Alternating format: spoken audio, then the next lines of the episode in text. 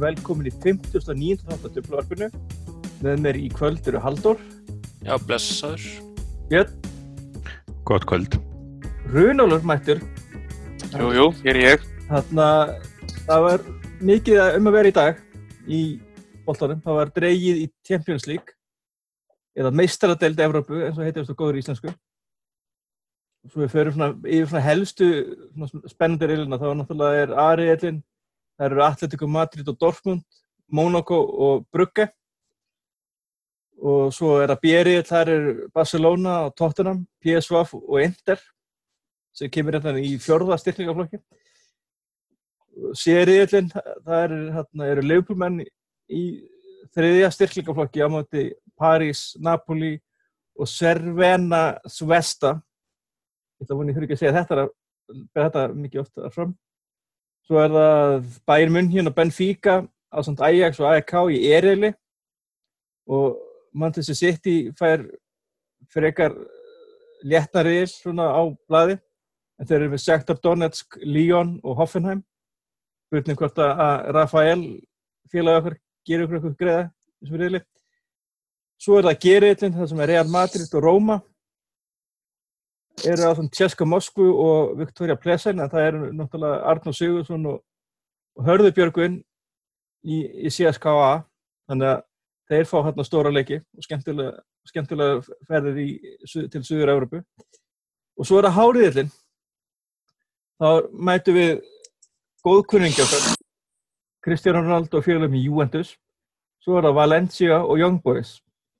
en það er eitthvað sem, gerir grunn því að ja, great, Valencia og Young aftur en þarna en fyrstu leikta eru 18. og 19. september og svona, svo þeir finnum bara, bara í okkar reil hvernig, ef við bara byrja því að Björn hvernig líst þér á hana reil okkar? Háriðil Þetta er bara alveg þokkalegt. Um, Tiltölu auðveld lifa pappir úr fjörða styrkjaflokki. Valencia verður náttúrulega ekkert auðveld. Tekki ekkert liði, ég veit eiginlega ekkert hvernig það er núna og hérna það er einhver þjálfari þannig sem einhver er hrifin á Twitter og svona. Uh, og við vitum náttúrulega það að slagt lið, eða sem sagt, nei ekki slagt lið heldur svona neðri, neðri að betri liðunum og frá spáni hafa nú ekkert verið góð okkur á þessu ári að það er ekkert sem að ekkert sem er, er, er í hendi en, en svo náttúrulega verður bara spennand að keppa í Juventus, það er langt sem við spilaðum í Juventus. Og það er, jú, er, er í í hörku formi og, og er komið með einhvern nýjan leikmann þannig sem þeir kiptu frá Real Madrid þeir King. Nei, nei, ángríns, það verður frábært að, að fá Ronaldo aftur Old Trafford og hérna og nefndi tökum mótunum og, og sendum hann heim stigalösan en, hérna en það fær fínar og skemmtilega mót okkur þetta verður helviti gaman já, já, fín reyðil, þetta er uh, fín bland á milli hérna skemmtilegs og, og uh, tiltölu auðveld ferðalög bara mjög auðveld ferðalög og, og allt í gúti Rönnur, Ég er eiginlega bara saman öllu sem Björn sagði. Þetta er allt bara voða hendugt eitthvað. Það er ja, ákveðvert að mæta Juventus, ákveðvert að mæta Ronaldo líka og ferðalögin eru nákvæmlega svona fyrsta sem að pæri þegar kemur á fjóraða styrkleikaflokki er að fara ekki til Rúslands og eitthvað. Þannig að ég myndi segja þetta verði nokkuð gott og veist, það er náttúrulega að gengi hinga til í vetur hafa ekkert verið upp á marga fiska þá er Juventus svona einu leið sem ætti að geta já, strýtt og, og stjónættið í þessu riðli myndi ég segja. Haldur, þú hérna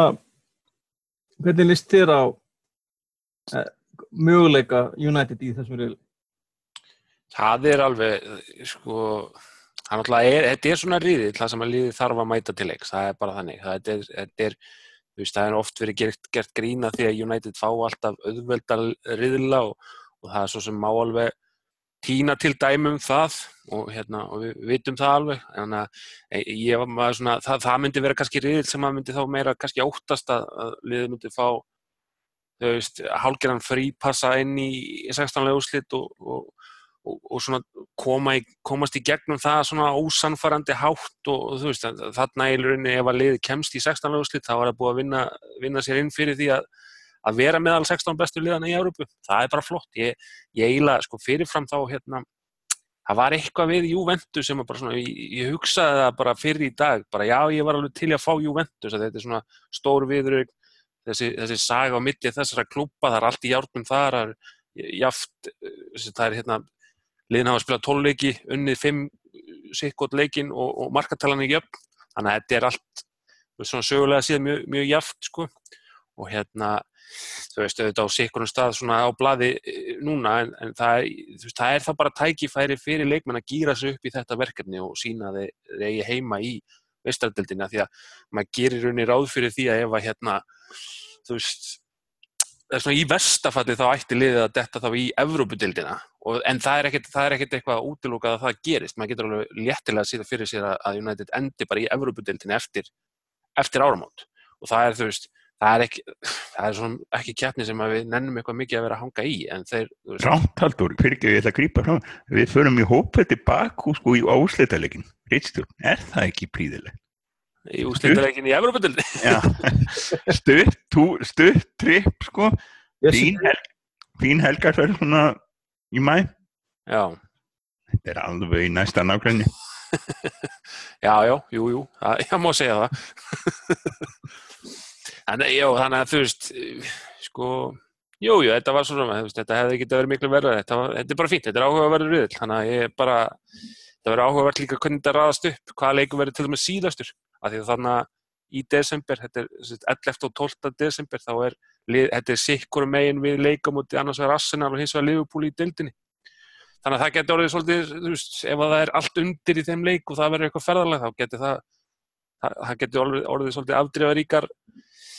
afdreifaríkir dagar, ég held að það séu cirka tíu dagar, ég held að segja innan við tvær vikur sem að þessir þrýr leikir pluss fúlamleikur heima væru þannig að þú veist það geti verið strempið verkefni sem að sem þarf svo sem ekki að vera slant sko. Þannig við erum bara okkur líst bara ákveðlega á þetta en þetta var ekki eini drátturinn í kvöld því að það var líka dreið í ennska dildabyggarinn eða Karabá-byggarinn og svo ég færi svona yfir svona það helsta sko þá eru hérna Westbrom og Crystal Palace Arsenal fyrir Brentford Manchester City fyrir hérna mætir Oxford á útvelli og hérna Liverpool Chelsea það mæta strax bara í þriðjumferð og svo eru Wolves og Leicester Tottenham og Watford Everton Southampton. Og United fær Derby í heimsókn, eða Derby. Og hérna þetta hefði nú getið að veri erfiðari dráttur. Þannig að raunalur er, ertu bjart sitt á klárum Darby á Old Trafford?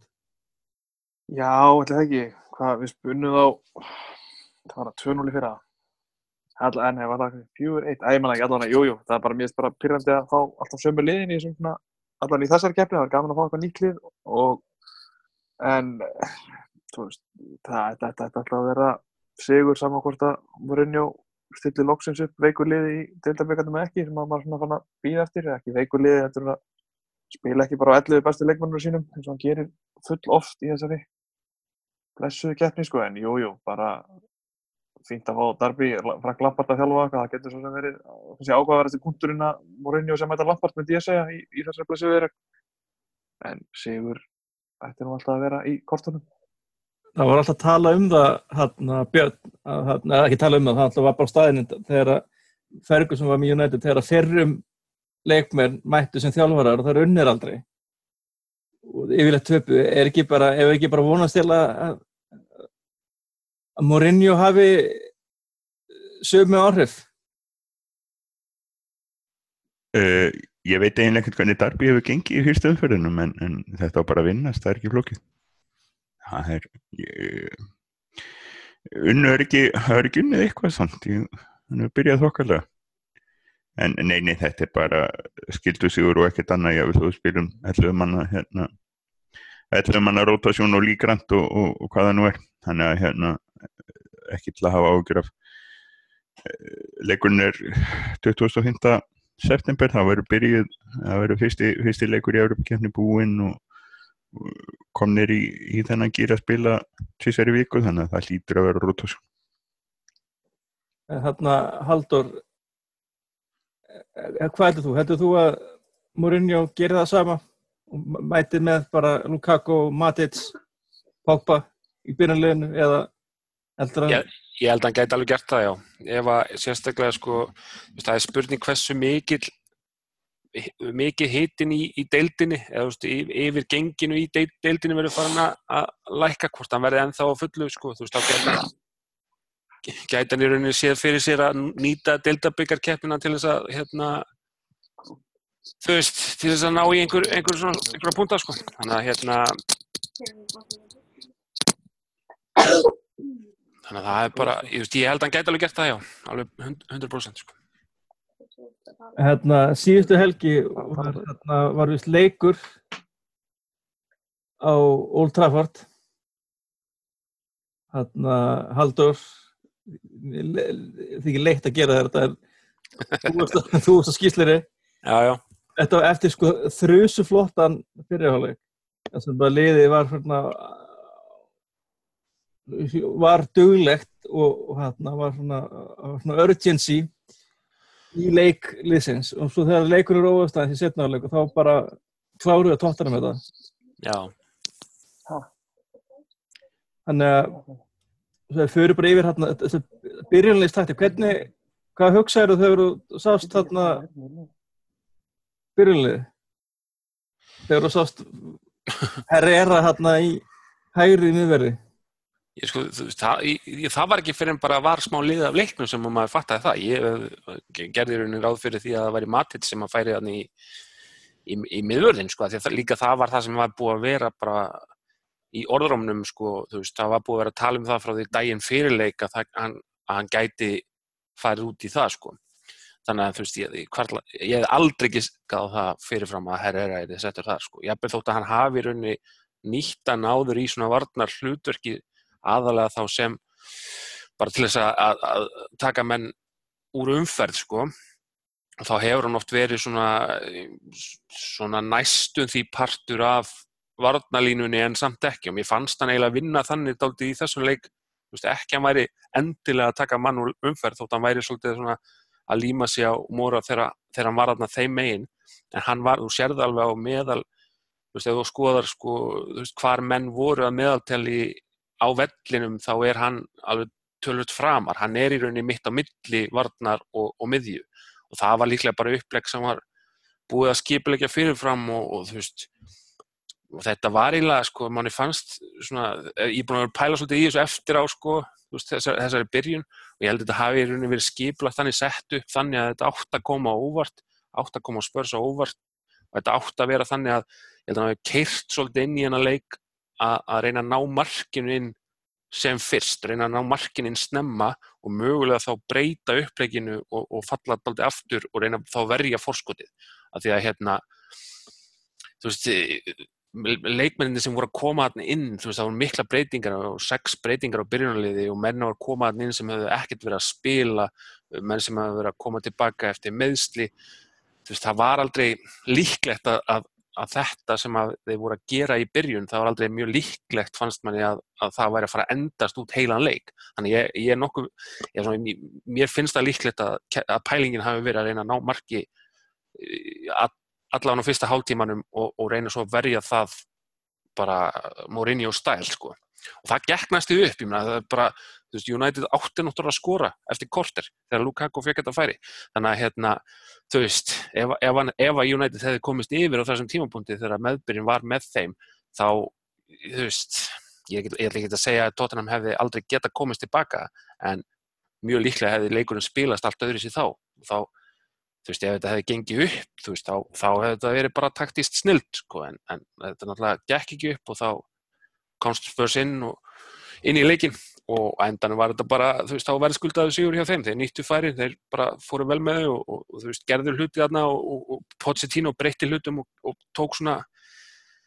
þú veist, í rauninni gerði það sem þurfti til að, að nýta sér það sem að,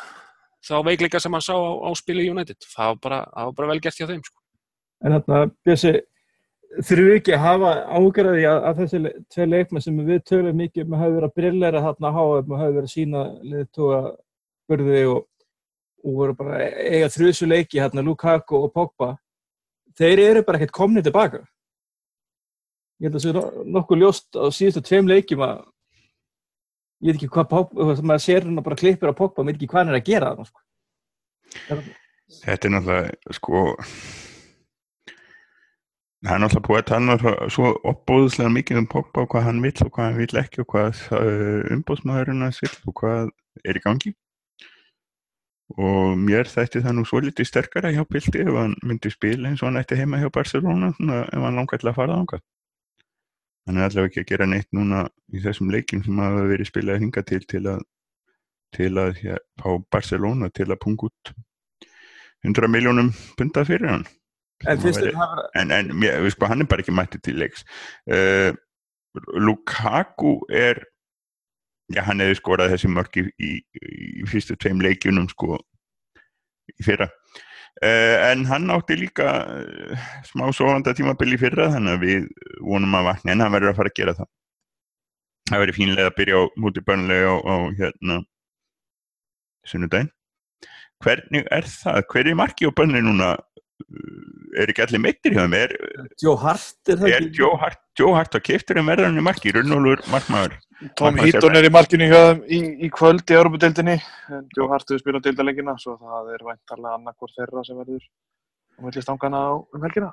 ok, ef það verður Joe Hart þá treyst ég Lukaku fullkonna alltaf að skora hjá honum væri það ekki fínt, byrja á því það er svolítið knöðsleikur en hérna, nei þetta er rétt að maður ekki sko en talandi um að leik gegn Tottenham sem var náttúrulega mjög, mörguleiti mjög fínt spilaði hjá Tottenham fyrir áleikum að sömuleiti mjög vel spilaði hjá okkur en, en, en við töðum svolítið undan þessi fyrra og ég held að þetta sé ennþá núna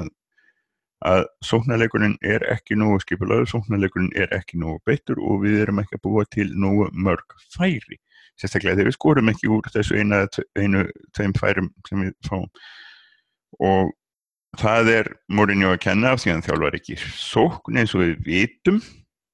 en lítið sem við gert, getum gert í því. Það sem ég fannst svolítið sorglegt hann á móti tóttina var að sjá Lukas Múra sem að tóttina kefti í janúar og gata ekkert frammettur öllu voru hann er allt í einu komin inn og hann er að spila eins og hann geta eitthvað. Og meðan maðurinn sem við keftum í janúar og gata ekkert frammettur öllu voru hann er ekki komin heim frá bandaríkjunum eða eitthvað Sanchez er ekkert búin að gera og hérna hann er enn einn af þessum stóru mönnum.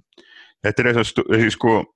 þegar að tala um hvað að við erum búin að eyða miklum peningum þá erum við aðalega búin að eyða heilmiklum peningum í þessa þrjá leikmenn. Tvo sem við keftum og eitt sem við fengum á því svona frjálsri sölu og helling af launum sem er að setja David De Gea í smá ójafvei þannig að uh, það er minna það að, að sagt, þessi öll þessi umræðum dýramennar smórinju og hversu hann hefur ekki fengið að kaupa uh, að af stóru kaupunum þá hafi hefur í raun og veru Lukaku hann skilaði sínu og vel það í fyrra en hérna en Pogba er ekki alveg hann hefur aldrei átt svona uh, langverandi gott tímabil og Sanchez er einlega valla byrjar að spila þannig að ég skil þá gaggrín að, stóru kaupin hafa klikkað svolítið. Það var, það það sem ég tók úr þessum tóttinumleik en aftur eins og Haldur sagði við skorað þannig að eftir kortir þá hefur þetta verið allt öruvísi leikur og hérna hefði þróast allt öruvísi og þetta var náttúrulega 3-0 var ekki af rosalega slæma mynd af gangi leiksins. En um leiða að komið 2-0 þá var hann búinn. Ef ég maður aðeins skjóta einn, það, þetta, það er sem Halldór talaði um hjá Lukaku. Mér finnst þetta, þú veist, það er það sem er svo lýsandi fyrir þetta lið frá því fyrra. Það er, þú veist, jú, jú, gameplanin til að byrja með fínt og upplegið fínt og þeir spila fínt. En þarf bara, þú veist, svo klúrar einu dettara og veist, ég held að þeir leikmennir virðist vera að þeir sko hugsi meira það hendur stundismennir. Þegar svo fáðu marki andlitið þannig byrjum setna á leik, svo þá er bara eins og veist, það, það má ekkert eins og lítið hjá þeim. Þetta verðist vera bara, þú veist, þetta er svona pappíspésar í vindunum einhvern veginn. Það bara, þú veist, leður að gefa smá rók á móti, þá bara einhvern veginn fer oft. Þú veist, allavega svona í þessum stóru leikjum, þetta kannski hefur, þú veist, þeir hafa vissulega komið tilbaka hér og þar, allan sem Mourinho tók við, en það er, þú veist, ef, ef, ef, liðið byrjar einmitt, þú veist, þeir fá fullt að færa með klúðra, en þá veit maður eiginlega að leikurinn verður bast, af því að þeir einhvern veginn, þess að þeir missi trúna sjálfir rosalega fljótt og svo einhvern veginn já, þannig að núna eru bara eins og stóru leikmyndir séu ennþá þunnir eftir HM fyrir utan Sanchez sem náttúrulega verðist bara átti gott prísísson og svo bara einhvern veginn já, veit ég ekki alveg hvað hefur gengið á þar en þetta er einhvern veginn það vantar það vantar eitthvað þarna í svona þegar móti blæs finnst maður allavega. Alveg, alveg samanlega þessu. Þetta er, þetta er verið þetta er náttúrulega verið bara alls þessi fimm ár í raun og veru á mismunandi levelum, mismunandi stígum að liðið, það hefur ekki verið það hefur vantað svolítið svona Það hefur leið, bakbenni í þetta, vantað, vantað svolítið sko, að vanta leiðtög á völlin. það vantað liðið Já. þó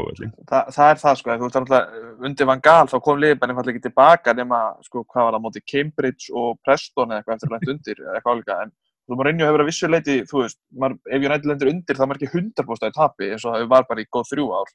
En, en maður finnst samt, þú veist, í þessum stóru leikjum það þarf svo rosalega lítið til einhvern veginn, þú veist, ég veit ekki, þú veist, bara eins og tóttina þegar þeir fengur sem markið til 12 sekundur hann einhvern veginn í fyrra, þá vissum maður bara strax, já, þetta er búið, við getum alveg sleppt þessum leik, sko. Og þú veist, það er einhvern veginn það vantar, þú veist skortur og betur orðið, eitthvað svona ákveðnar hreðjar og kannski bara leikmenn sjálfir, þú veist átti svo oft á því að, veist, ef plan A er hægt að ganga upp og þú veist, þá þurfum við að, ég veit ekki mann svona, vantar ég og leiðtóga og bara svona sjálfstæð inn á vellinum, þú veist, leiti kerkur og áðurenni myndi ég að kalla það en hérna, og það er það sem vantar. Það sem vantar líka er, er, er fjöldi færa sko. það er náttúrulega ef við fáum ekki veitt að færa í leik þá verður að nýta þau alltaf þegar komið 2-0 og við fáum ekki veitt að færa í leik. Þá er bara verður mjög erfitt að, að fá þau færi og, og jafna. Þannig að hi- hinn hérna, expected goal, vænt mörg vænt mörg í leiknum úr 1,8 á kortlið. Það er svo annað sem á eins og þú sagðir á hann skrifa náttúrulega vissuleit á Mourinho sem hann leggur kerfið upp en Já, veist, það, hann- það er hægt að skrifa það á morinu og það er það finnst mér alltaf svolítið mér finnst þetta svolítið leiðin þetta ég, ég sko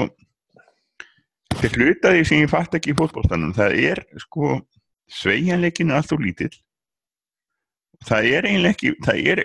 ekki eins og að sé brugðist við aðstand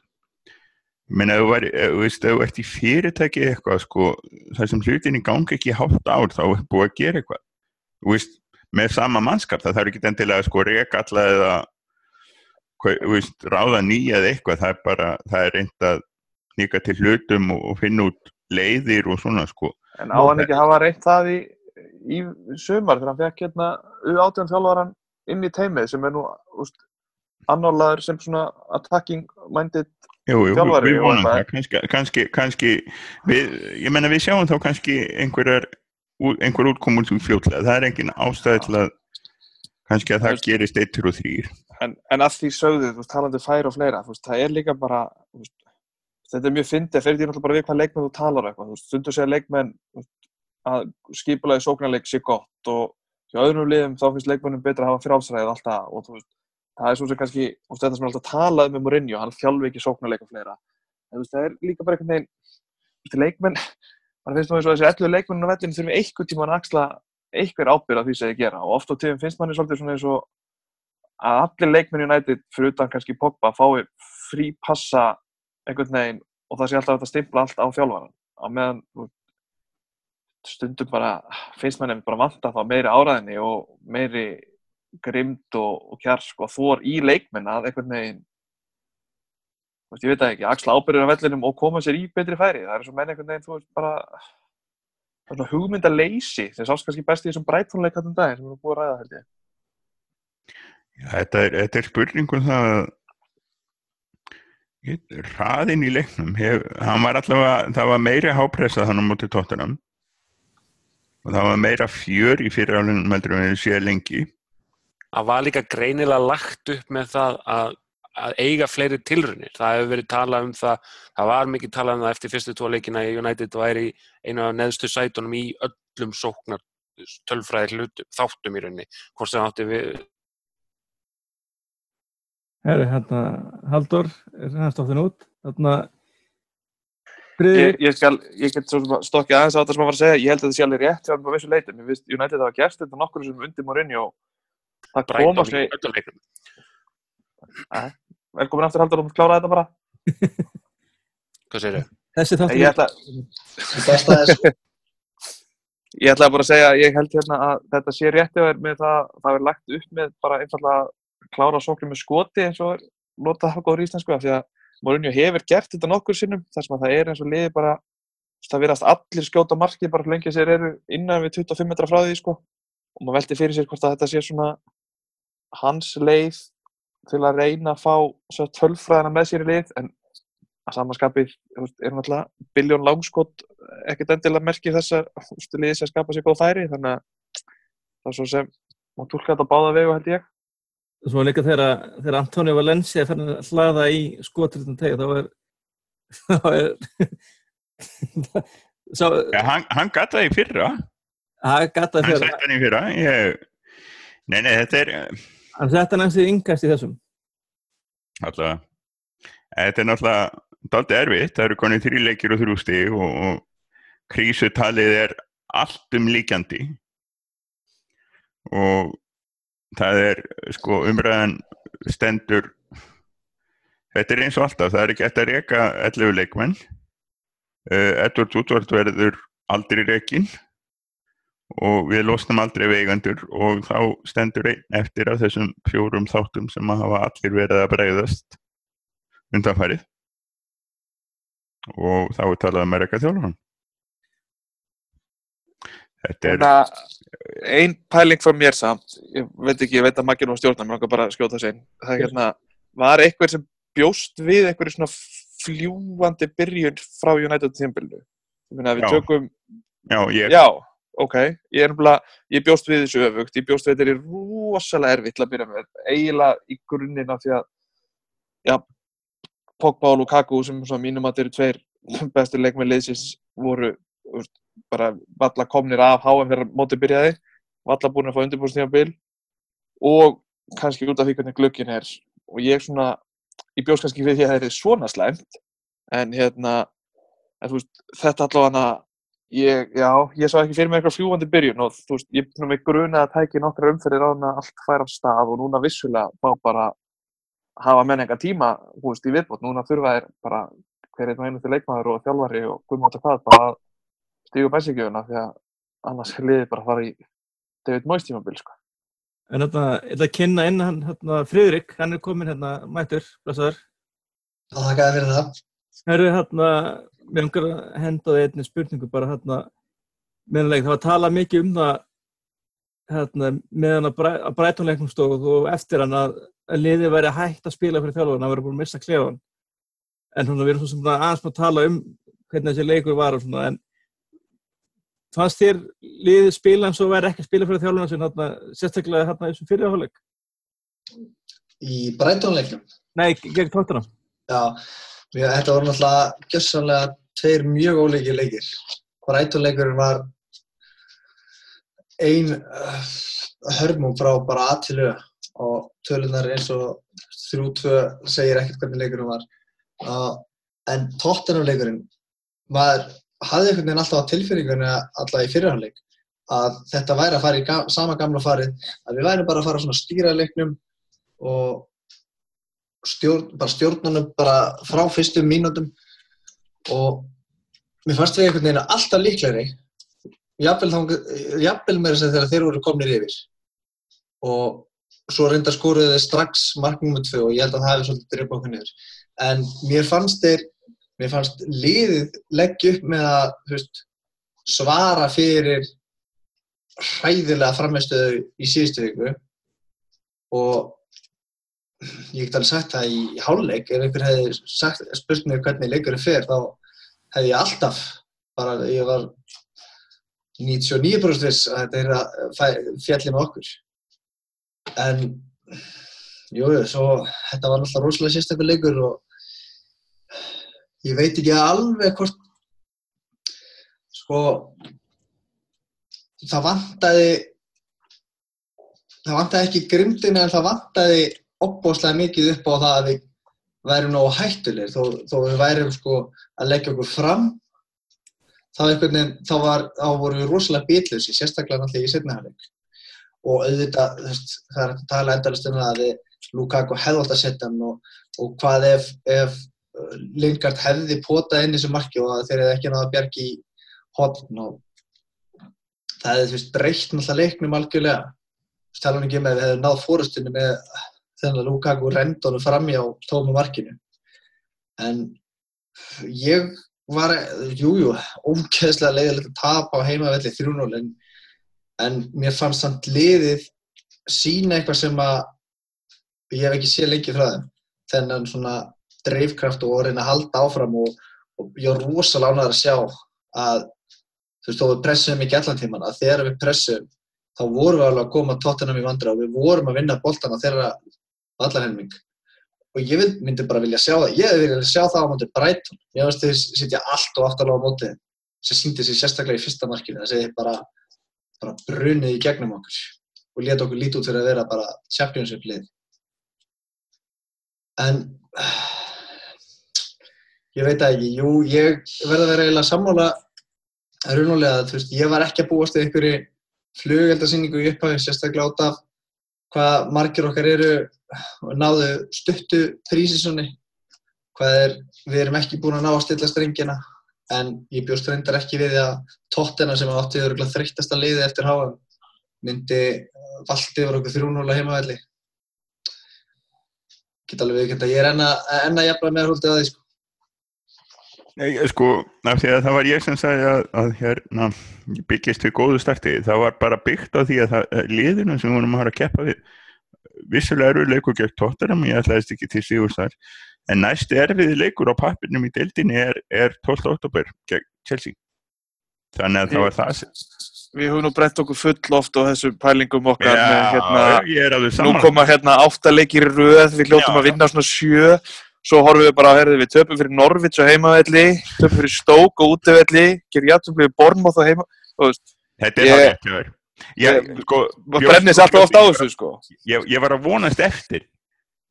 ef að við ætlum að spila okkur til uh, góðs gengis í deildinni þá var eiginlega þessi byrjun að verða en ég meina, Já, ég, en sko ég, það er það sem ég er að meina ég, sko, nei, ég skilði alveg, maður er alveg brendur af því eins og, eins og þú segir og, og hérna, maður er ekkert ægilega hissa og, og, allt það en, en það var, sko, þetta er ekki eins og, og hérna, sko eins og, sko, Arsenal sem byrjar á, sko tveimur erfiðustu leikjunum og, og tapar þeim.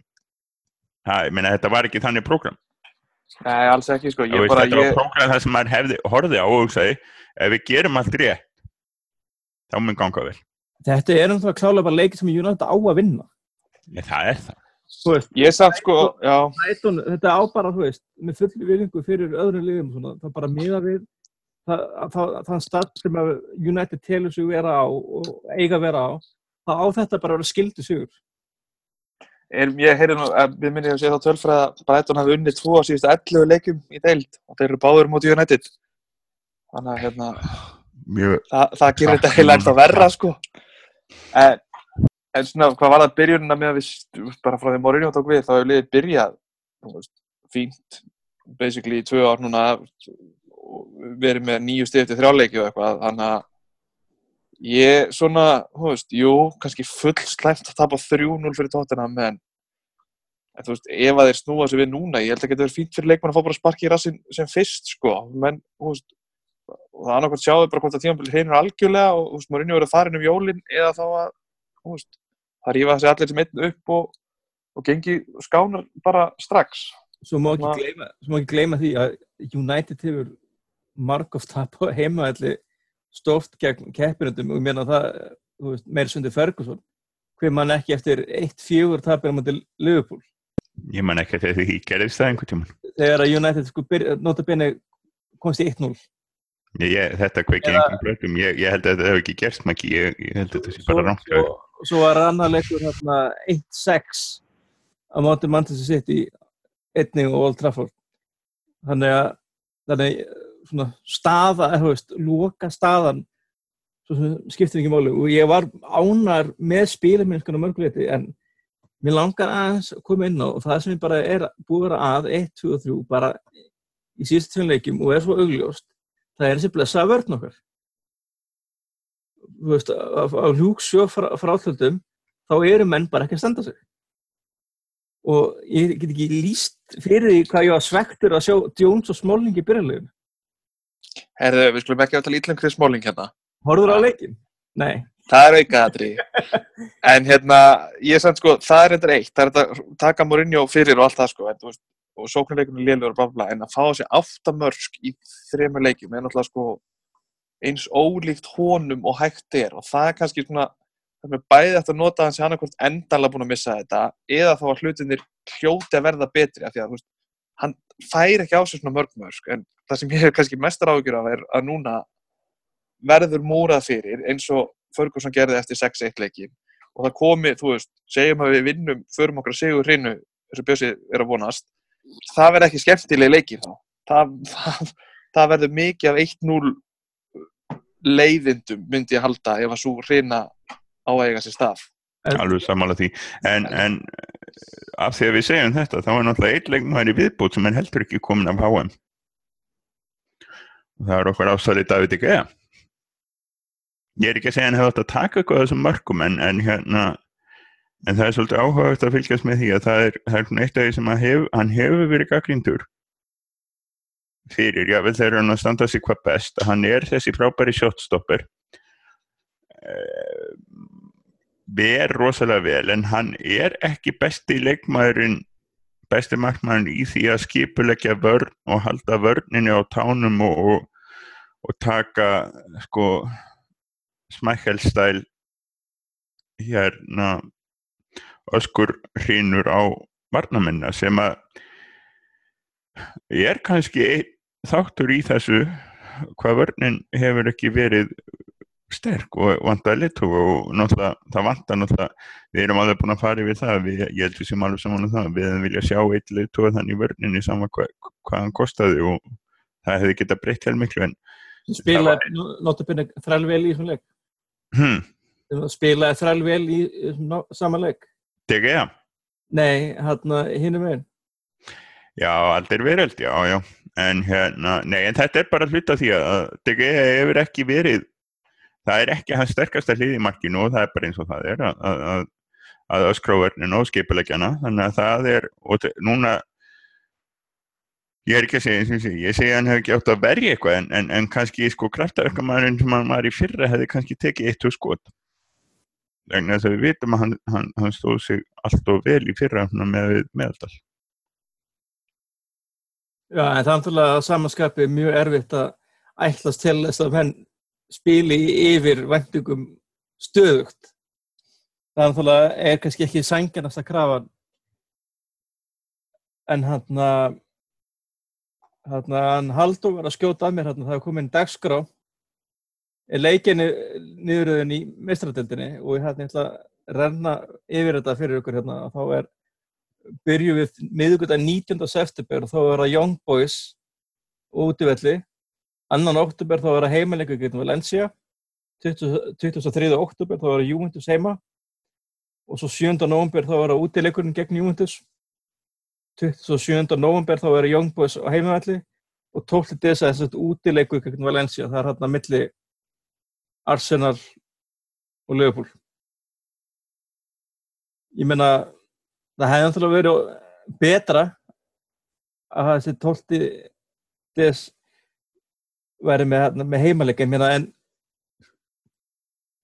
eitt stutt flug til Spána er ekkert svo mikið við sem þannig hvað handur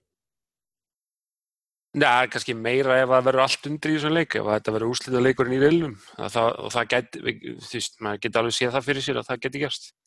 Ég var að kíkja eins betur á þetta sko meðan þeir voru að tala, þetta er sérst, hérna, Juventus leikinnir koma líka, þú veist, það er hérna Chelsea leikurinn 20. oktober og svo fyrir Juve leikurinn og svo er það útileikurinn gegn Juve kemur hérna í vikuna og undan leiknum gegn Manchester City á útivelli. Þannig að það, þetta eru svona, veist, þetta gæti alveg ræðast betur upp en, en veist, þetta er bara það sem liðið þarf að díla við og, og við, þarna viljum við vera þannig að það, það þarf þá bara í lóðana og, hérna, mæta til leiks í öllu þessu leikum Þetta verður miðugudagsleikur þannig í Valencia og svo verður liðbúleikur á anfylgdum helgin og það verður náttúrulega öruglega sundagsleikur Já, já. Það er ekki að hafa einhverja stóra aukjöru því að það skæt tekur þann leik og það verður sundagsleikur Já. Þannig að hérna og Liverpool þá vantanlega með hérna dags meiri kvíld en United, en ég menna það skiptir einhver. En ekki gleyma því náttúrulega Liverpool leik hérna er væntalega sjálf að spila erfiðan Champions League leik hérna, fyrir leiking gegn okkur. Er Þeir, náttúrulega, þeir, þeir eiga Napoli á heimavelli á þriðutinum 11. já, og það geti alveg verið úrslita leikur líka eitthvað sko að, veist, eftir hvernig það sá reyðil spilast sko en, eð, veist, það fer náttúrulega líka rosalega eftir í hvernig hvaða Ancelotti gerir með þetta Napoli-lið. Hvað, hvað, hvernig Napoli, Napoli-lið mæti til leiks. Þannig að það er búin að missa leikstjórn stjórnum sinn og, náttúrulega þjálfara til Chelsea. Þannig að svo sem ég ætla ekki að fara að ræða leikiprógram og leiki Liverpool eitthvað sérstaklega. En hann að svo við förum í eitthvað í eitthvað annað, Haldur þú þú ert búin að vera okkar eiginlegi kvennabolta sérfræðingur. Svona það sem af er. Og þarna það var leikið gegn Redding. Það sem fór ekki alveg eins og eh, ekki alveg jafnvel og mútið Leopold nei það spilaðist eiginlega ekkert ósvipað eins og kallaliði gegn tóttunum það var sérst, fyrri áleikurinn var öflugur og, en svo nýtti bara anstæðingurinn sér færin og, og hérna og svona bætti við marki í lokin þannig að sigurinn varð svona stærri heldur en kannski leikurinn í heildsinni gaf til kynna ef maður fylgdist með leiknum skilur en, en hérna þetta var þú veist svo sem ekkert ósangjart heldur en, en færin í fyriráleiki United fekk alveg færin til að skora og, og komast yfir og, og það var eins og bara margt í þessum leik sem bara var áframhaldandi svona jákvæð jákvæð þróun frá því sem maður sá í, í, í fyrsta leiknum. Og bara gaman að einmitt líka fá leikin inn á MUTV þannig að maður gæti fyrst með þessu bara horta á hann í beinni þar. Þannig að það er mjög gott skref og, og vonandi bara það haldi áfram. Svo hérna næsta umferð, svo, það er umferð núna held ég hvort það sé þessa helgi sem að United tekur ekki þátt í að þetta er fimm liðariðil þannig að það þarf alltaf eitt lið að sitja hjá þannig að næsti leikur í þess, þessari keppnir ekki fyrir einhver tíman vel setna en, en deildin byrja síðan þar næstu helgi. Er ekkert landsleikja hlýja hjá störpunum Jú, en það, það er svolítið spes sko að þú veist, þetta er svona það er ekki alltaf stoppuð keppni út af landsleikjarlegum það er svolítið skrítið sko, svipa eins og í bandrækjum að ég hefur verið að fylgja svolítið með Gunnildi Irsu spila í bandrækjunum að hérna, þú veist, það var til dæmis einhverju liðsfélagar hennar misti einhver tíman af leik og bara svona líkil menn af því það, það voru bara að spila einhver stað með bandrækska landslið þannig að þetta er svona svolítið spes en, en en hérna, en það er allan að þú veist, deildin ekki byrja og deildabíkarni, þetta er svo sem alveg ekkert, ekkert merkilegasta keppnin eða, eða sérst, þetta er svona oft notað bara í, einmitt, svona hálgert hálgert æfingaprógram, en þetta er er samt gaman að fylgjast með þessu bara og, og hérna, þú veist, maður svona sér jákvæða punta í þessari þróun og, og bara að vera gaman að fylgjast með þeim í vetur. mikið rétt og þarna, það er búið að vera gaman að lesa umfyllina þína á, sem er, er alltaf aðgengileg bara á rauðudöflundi.is Já, maður er alltaf að reyna að vera með einhverja, kannski, þú veist, ekki, ekki um hvern leik endilega en, en svona bara allavega nokkuð reglulega. Þannig að, og svo líka hefur maður bara, bara séð að það virðist vera þokkala mikill áhuga á þessu og það er bara jákvæmt, sko. Endil, og gaman líka bara að vera gaman að sjá líka hvernig þetta svona, áhugi íslenskara stöðningsmanna og stöðningsfólks aukist ekki og svona. Þannig við getum kannski hérna. En það var heilmikill áhugi talandu um það, það var að hátu, hvað er ekki, finnums mann sem ætti á völlin. Jú, jú, þetta var alveg sprengt allt með allan í þessari keppni. 4800 held ég alveg að veri. Og hérna þannig að það, það er alveg mjög jákvæmt og vonandi að verði þú veist allavega eitthvað svipað í, í deildaleikjunum sko, af því að það, það er alveg munur að hafa stuðning sko. en hérna svo förum bara í kalla liðið aftur eins og það er gaman að þá hérna eins og aðkomið þá er leikur gegn börnlega um helgina og það er ótrúlega skrítið að, að að, að það sé aksjál umræðu það að, að, he- að leikur gegn börnlega sé eitthvað make or break leikur fyrir þetta tímabil en það er bara virðist vera staðan í dag. Og hérna og miða við hérna, langar bara að henda slengi kannski bara, þú veist, slengi bara boltan hendi boltan þig, Rúnlaugur hvað, hvernig viltu sjá liði hvað, hvað byrjunlið væri þú til að sjá gegn börnlega Já, það er góð spurning. Ég, ég bara eiginlega veit það ekki, sko. Ég, veist, það- ég vildi fá fjór fyrir þrýr, bara frá því fyrra. Mér það svona kannski ekki alveg hafa fungera til þessa. Uh, ég persónulega hef ekkert á móti því að liði sitja tilbaka eins og við gerðum mútið Brighton upp á því marki að þú veist, þeir mm, beiti þá almennlegum sóknarkrafti í skyndið sóknum þar sem að við finnst leikmannhópurinn nættið nánast hannaður bara sem bara að vera besta skyndið sóknarlið bara sem að uh, ætti að vera til staðar sko en mig grunar að við það verði meira fjórir, tveir, þrýr, eitt leikkerfi um,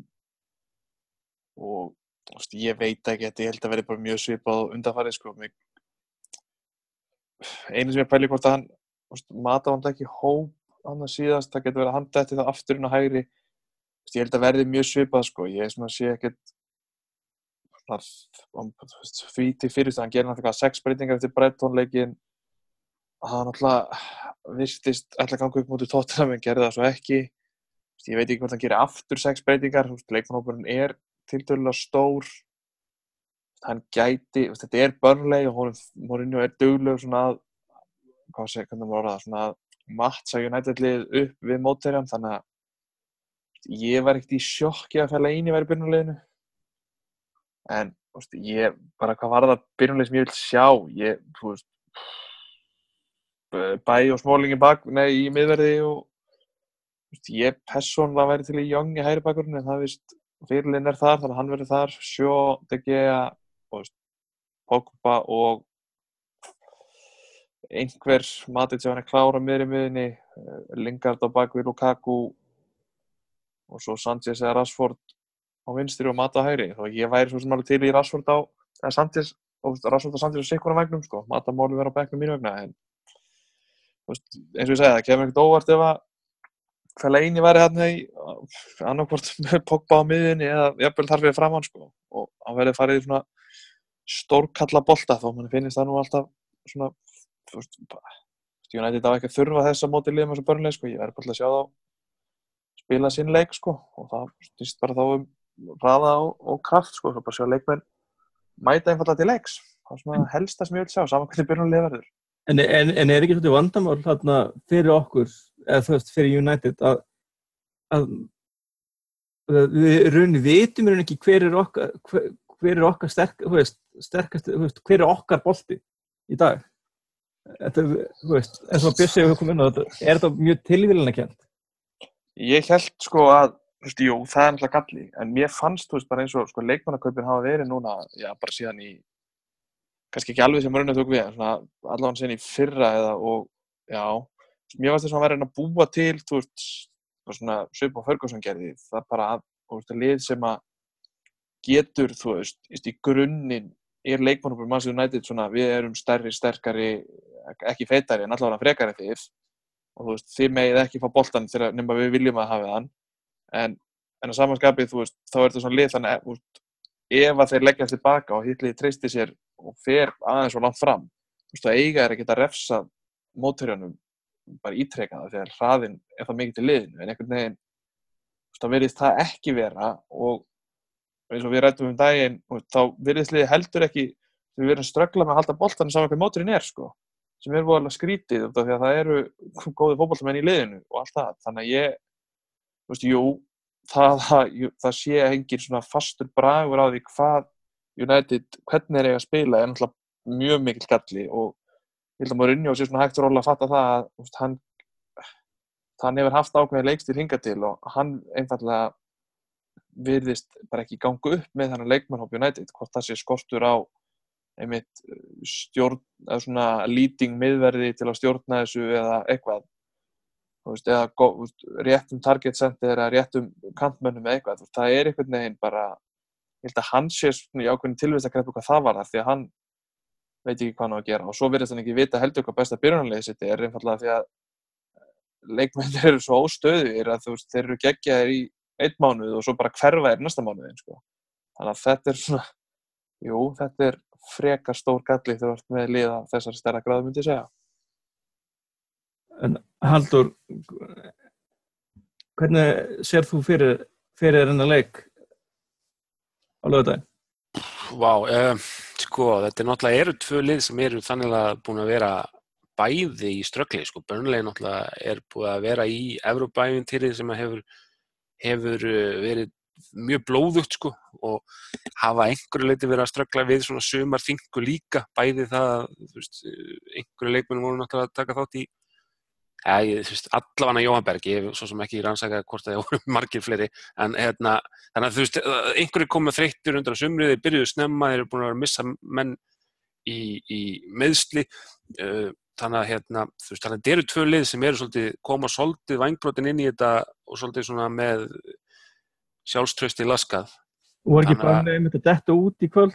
Jú, jú, jú, jú. Tö- Evrópu- Töpum út í Olympiakos, eða sérst, sam, samanlagt gerði nú jafntöfli reyndar í kvöld á heimavelli en, töttu út í kvöld, jú. Og, og svona við erum að taka 50. leik sem við vitum alveg er ekki það skemmtilegast í heimi. Nei. Þannig að hérna, þú veist, þannig að í rauninni, þú veist, börnlega ætti alveg að finna vel fyrir þessu þannig að maður myndi halda það að það, það myndi gefa þá okkar mönnum fórskot en þú veist, hver, veit hvernig, hvernig liðið kemur einhvern veginn stemt inn í inn í leikin. Ég vona bara að þeir nái að fókusera á það sem var jákvætt í veist, það var, það var alveg voru alveg stóri hluti sem voru jákvæðir við, við það, þótt að leikurinn hafi farið eins og hann fór, sko. Þannig að þú veist, hv- hvað ég á vona ég bara, maður getur ekki veist, maður getur ekki svaraði því að það er allt svo óstöðut og allt svo hring, mikið hringla á öllu. Þannig að maður, ég, veist, maður getur ekki einmitt svara því hverju maður á vona því að veist, það geti, hver sem er byrjað inn á einhvern veginn, nema bara maður veit að DG er að fara að byrja, þú veist og hérna,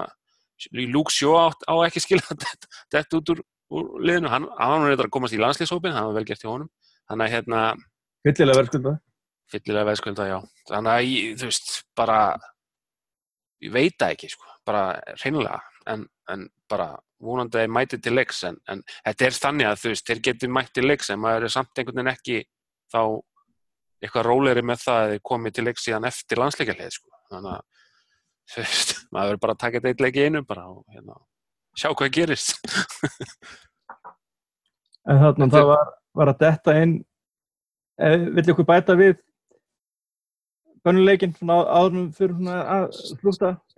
Nei, þetta er bara, það mjög góð punktur hjá þér varðandi, þú veist, ekki, við alltaf að tala um að Mourinho veit ekki besta byrjunarliðið sitt sem er, þú veist, bara einfallega að mínum að þetta er bara leikmennir gefa honum ekki ástæðu til að vita það, sko. En mér finnst bara punktur hjá hann spil að, þú veist, upplegið er, þú veist, mjög góður að því leitinu að, þú veist, Mourinho er alltaf þekktur fyrir svona að bregðast meira, þú veist, hvernig var þetta, hann er svona reactive coach, hvað það varðar, hann, þú veist, leik, leikstílir hans miðast oftast við það hvað, hvernig hann stoppa móteri hann sko. En veist, hann hefur samt sem áður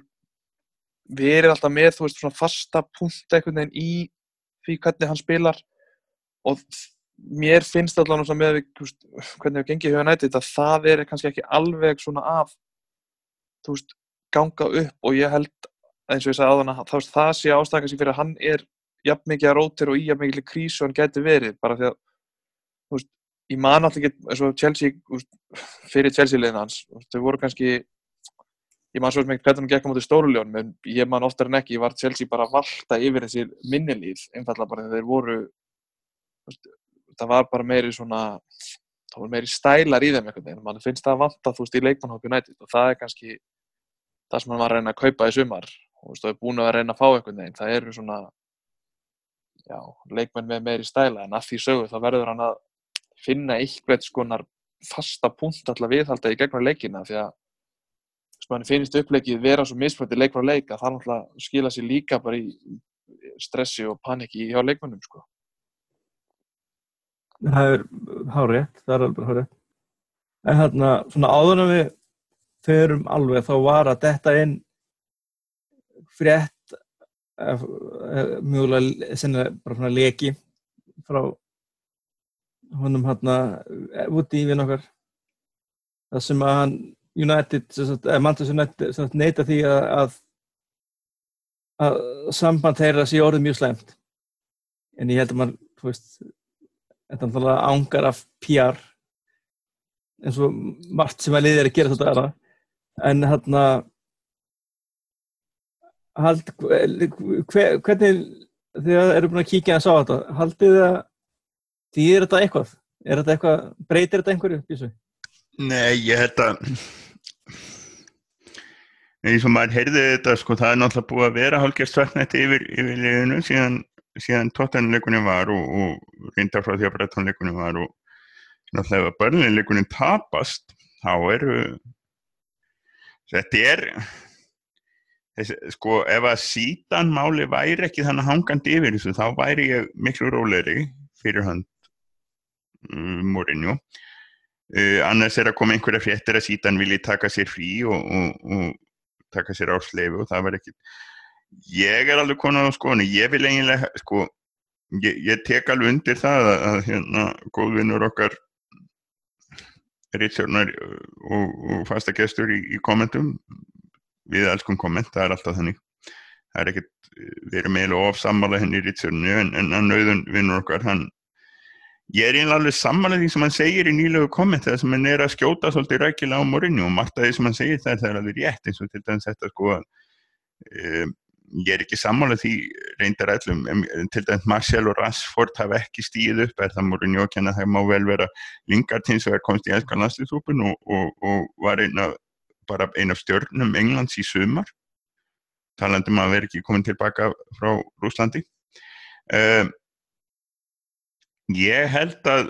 sko, náttúrulega það sem gerist er það að hann fær nýjan samning í, sko, í vor, snemmi í vor, síðan í vetur. Það átti náttúrulega ekkert að gera það, vegna þess að það allt það sem er að núna, það var að þá. Það- Það, það, Það var í janúar það var í janúar sem hann fær hérna nýja samning já, Sá, sá samningur líktar voðalega mikið af einhvern svona Conte fekk allt í hennu nýja samningi Chelsea bara upp úr þurru sko. þetta var, það er einhver voða svona já, þetta var í kringum það leitið þegar þeir keiftu Sanchez og eins og ég hef sagt, ég, mér langar óbóðslega mikið til að vita hver réði því að hann var keiftur. ég held reyndar, ef ég var alveg hreinskilin þau kaup, eða þau skipti þau líkta Mourinho fyrir mér sko. ég held að það sé hann út í gegn allavega, sko. hann, hann vildi losna við Mkhitaryan, það var alveg á hreinu sko. Já, ég er að segja það, hann kom fljótlega að því að hann var ekki alveg uh, rétti leikmann fyrir sig en það mikið sagt að sjálfur einhvern veginn og honum finnst já, það já, var eitthvað allt og mikið fyrir hann og, og Sanchez í grunninn í- sá leikmann sem hann er á vellinum er fullkomum Mourinho-leikmann á þýleiti sko, en, já, já. en það er eitthvað ekki, að- ekki að smetla sko. en er, það- er það taktíkin er hann of einlangraður hérna á vinstri kantunum að Sanchez aldrei eða já Ah, það, er sko- svolítið, það er svolítið þannig sko. ég, ég vil þetta, hann er ekki einangrar á þýleitinu til að ef, ef, ef við horfum á þarna hann náttúrulega fær average, og tapar honum mjög ég mikið er að segja það en, en þú veist, average position dæmið er þannig að það er kannski eiginlega bara, það eru allir vinstra með á vellinu það er vandamál það, það er eiginlega, það er stóri galli sem ég næði ekki við þetta lið, að það, það, það er engin hægra megin verið þeirra, nema kantna í bakvarunum Nei, nei, það eru heldur, sko, það eru heldur engir, engir, sko, eh, engir alvöru hæri Nei, nei, ég, ger- ég gerum mig Nei, greið fyrir en því, sko, því, ég meina, þú, sko, þetta er út af því að hérna, einu sinni þá var, voru vinstri kantmenn gulls í gildi vegna þess að það vantaði svo örfætta leikmenn. Núna vantar hægri kantmenn vegna þess að það, þeir eiga að vera örfættir. Þetta er bara eins og var þá. Þetta er bara öfugt. Og hérna hvenna var það, var ekki, það var undir vann gal sem voru allir, allir núna örfættir var það ekki? Jú, það var Jú. hann, hann, var, hann var rosa duglegur að að duglegur að stilla upp hægri og vinstri fótamanni. Já, það, það var allavega en, en, en það vantar svolítið en, en þetta er bara, bara að ves Mata voru allir byrjunlega þetta er, þetta, þetta er alveg rétt þetta er bara, ég, ég held að Mourinho haldi starfinu nema náttúrulega við töpum næstu þjórum leikjum eða eitthvað sko. Ef við töpum, ef við töpum næstu tveim leikjum og svo gegn Boys þá, er, þá fer hann er þetta ekki bara eins og undarfærin ár, skilur að eigendunir vilja fara í meistadildina og leiða það ljóst að það er ekki hægt, þá er þetta tilbúin að gera breytingar. Jú, jú. Þú veist, ég held að hann fari ekkert nema, þú veist, bara einmitt, Ég- við ég sem í held- sjönda sæti. Það sem ég myndi vilja sjá, Ég að ef við hann á að fara, meira ég vil þá bara sjá eins og, ég verið að hugsa um þetta og ég verið að hugsa um þetta svolítið, að það sem, eh, sko, hérna, ég er að horfa aftur til síðustu frábæru ráðningarnar hjá United. Þegar Alex Ferguson var tekin inn. Það sem gerist þá var það að við, hérna, eh, 85-6 byrjaði United, sko, voru byggamestari 85, byrjaði síðan tímabilið á, á 10 sigrum í röð, uh, á því tímabilið þegar að sjónvasteilur voru þannig að það var ekkert sínt frá fótbolt í Englandi. Það var ekki einhvern mattsöðu degi en eitt, þannig að það vissi enginn að þessu. Uh, við fengum ekki boltan hérna heima, sko. Og hérna, þetta var allt í, í klessu, sko. Tíu sigrar í röð og svo hrundast. Þannig að hérna, sko, ég held, Mark Hughes var seldur til Barcelona á miðju tímabili og var byrjað að drekka ofulega strax þá. Að þeim vildi ekki fara en það var búið ákvæðan færi en það mátti ekki segja og allt í klessu. Tímabilið hrundi en, en Atkinson var ekki reikin uh, Bobby Charlton talaði við Ferguson á HM það sem Ferguson var að stýra Skotlandi 86, Mexiko og svo bara sko byrjar 86-7 alveg hræðilega og Atkinson er reikin í oktober og, og Ferguson hann alltaf löngu búið að láta hann vita því að United hafi áhuga og hann er bara að pikka upp 1.40 Þetta er það sem ég vil sjá. Sko ekki endilega eitthvað sítan, sko panik eða Mourinho á hliðalínunni eins og hann var þannig að þegar auðvitað hann gal beigð sko hérna Dead Man Walking hálft sísón. Það er, það, sem, það, veist, það er bara að þetta verið tekið direktor á fútból og þjálfari á, séu sko á hliðalínunni. Þannig að ef að Mourinho þarf að missa starfið þá komir þá komir svona ráðning bara kröftug ráðning á þjálfara og knappinu málastjóra það var eðislegt en það er ekkert að fara að gera sko ég held að hérna Woody sé með Woody fyrir sítan líkt á svolítið að því hann, þetta eðislegt að fá svona stórnan hann inn Hann Þessi- hugsa bara í stóru nöfnum. hann hugsa bara í stórnum sko. en þess að sko Þess þess vegna mótmátt hann ekki svænstækir á sínum tíma. hmm, Þess vegna mótmátt hann ekki svænstækir. nei, nei, nei, nei, Það það er ekki mikið stærri nöfn. Já. En, en ég held að hann alltaf ef, að- að næstu tvei leikir tapast þá er all bets off. Þá, ég meina þá náttúrulega, þá náttúrulega, þá er komin algjör krísa, sko. Þá, þá er legit krísa. Já, já, ég meina þá er ekki, sko, það er ekki þetta að ræða það að, að hérna, Við getum talað um það allan daginn sko að verðin sem ekki nú góð og allt það en við erum ekki lið sem að ætti að vera í fallbaróttu. nei, við eigum ekki að vera með þrjú stegi eftir fjóra leiki. Það er, það er samt spurningum eitt, sko, ef að, ef að liði tæki svona bara a- al, algjört slis í byrjun deildarinnar, þú væri bara búið að stimpla sig út úr öllu og valla séns á einu svona topp fjórum, fengjan séns til að reyna að bæta upp með því að bara reyna að vinna meistradildina. Ég er ekki að segja, þú veist, ég meina, eins og liðið núna að spila, þá augljóslega er það ekki líklegt, en fengjan tækifæri til þess að, sko, þar, þú veist, það er leið til að komast inn í meistradildina. Meira sé að þriðja sæti riðli Evrópudildin vinna hana, þú veist, fengjan sjensin eða er það strax bara, veist, Þeir eftir í hvað er á kantinum. Það, Já, það, sko, það er þetta með sítan á kantinum. Það gerir mann, veist, það hlýtur að stressa grei tjósið svolítið upp. já, já. Ha, ég meina, Já, en ég bara, Og, ég skil, þú veist, ég veit ekki hvort við höfum að taka þess að sítan umræðu núna eða bara geima hann að við höfum búin að tapa fyrir bölni og taka hann í næstu viku. Hmm, hvað segir þið? Tö- Tökum hann í næstu viku frekar. Þetta er Já, ég, ótímabært sem stendur. er, er þetta ekki svona evergreen umræðafni? jú, jú, hún er, hún, hún, þetta fer ekkert í burtu. En samt til að svara spurningunni þá held, þarna, þá held ég að það fari eftir ekki bara þegar það síta annar á kantunum og það, það held, held ég fari líka rosa eftir hvernig samband úti og Mourinho er í raun og veru. Ein, eini punktur sem ég hef varandi þeirra samband er það að Mourinho er augljóslega búinn að benda honum á það að hann þurfi nýjan miðvörð. Og það fyrir mér sýnir að hann er ekki alveg sáttur því. Að hann hefur gert þetta áður þegar hann, eins og með Chelsea þegar hann spilaði Andri Srulli eða hvað sem hann heitir einum frammi alveg tíu leiki röð bara því að hann var að benda Abramovic og hann vildi nýjan senter og svo fekk hann Diego Costa um sumarið veist, hann er núna búinn að spila held í öllum miðvörðunum, eitthvað, nema Rojo og hann tróð Herrera svona eitthvað svona ekki miðvörð en samt miðvörð hlutverk veist, þannig að það svona má ef hann endist fram í janúar og fær ekki þar maður vitt, þá getur maður svona farið að hafa áhyggjur þeirra samband sem endalega farið í vaskinn sko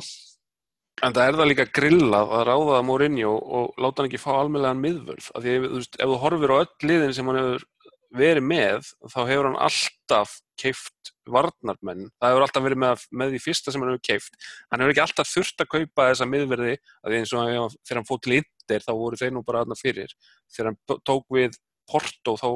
Carvalho og, og þeir voru aðna, en veist, hann hefur alltaf komið með sína varnarmenn, ekki endilega miðverði en alltaf sína, sína menn, sínar típur og þú veist og, Og og það, leggur, leggur grunninn að liðunum hans þannig að þú veist, þetta er eins og ég sagði á þessu kommenti við hann að pistil sem að Maggi skrifaði sem var nú svona skemmtilega umdildur að hérna, þetta er eins og ráða Sarri í lið sem er ekki með redístaspilara eins og Horginjó og ekki kaupa þannig leikmann. Þú veist, þetta er svolítið þannig. Og, og þú veist það er ekki, þú veist, sko, þú veist, allt þetta töðum, jú, hann hefur fengið að kaupa bæ og Lindelöf, þetta er ekki næstu því að sama, þetta er ekki enga veginn eins leikmenn, þetta eru leikmenn sem hafa ekki reynslu af sömu deild, þannig að hérna, veist, og ekki, eru ekki leiðtóðar og þurfa leiðsögn og þurfa að fá að þroskast og eru ekki tilbúinir, þannig að hérna, augljóslega er þetta ekki sambarlegt við það að kaupa, veist, að þegar hann kom inn í lið og, og tók Carvalho með sér eða þegar hann, veist, þegar hann var að kaupa alvöru, alvöru miðverði, þannig að þú veist, mér finnst þetta bara galið að láta hann ekki fá þennan miðverð sem að, þú veist, fyrir utan nú það að jafnvel þótt að Márinni á verið reikin á morgun, þá þarf liðið samt nákvæmlega þessa típa miðverði, sko. Þannig að, þú veist, Já, mér finnst líka bara fólk er svo tímt í ykkur upphafum. Það er ekki alveg búið, að, þú veist, búið að katsa upp, sko, bara að, að verðin eru bara ekki þess sem voru. Við erum bara að horfa þann veruleika að menn eru keftiruna yfir 100 miljón pund bara nokkur á sinnum. og svo voru að koma, að koma fréttur um það í dag að United er orðið jafn, eh, verðmætt held ég alveg Dallas og hérna Dallas Cowboys, að verðmættasta íþróttafélag í heiminum og, og hérna, og tímir ekki að kaupa aldrei það er ja, galið, sko. Þetta er náttúrulega, aðra tölur sko en þess að sko hlutabriðaverði hefur ekkert með það að gera hvort að félagi sjátt eigin penning. Nei, en þetta En- samt, en þetta, þetta er- samt, þetta er- samt segir einu sko, ég- spektur. Ég, ég skil ekki hvað er í gangi þannig að okkur þessi verðhækkun er að gerast en þetta, sko, fyrir náttúrulega utan það að það verður aðtöða það að hlutabrið United sem er á markaði eru sko, það er mjög lítill hlut af þeim, þetta, er, þetta eru þetta eru hérna þetta eru hérna sko bérhlutabrif beringa, beringa hérna. Ber, ber ekki atkvæðu og ekki, ekki neitt svona, ég veit ekkert hvað er að gerast annað sko. Ég skil ekki þessa hækkun. Er þá verður þátturinn ekki lengri í þetta skipti? Og ég bara þakka ykkur Bjössi, fyrir. Haldur fyrir samverðuna og Friðrik hvort að yfirkja okkur aðeins fyrr en hann verður vonandi með aftur fljóðlega en hann að þanga til næst bara takk fyrir að hlusta okkur reflana.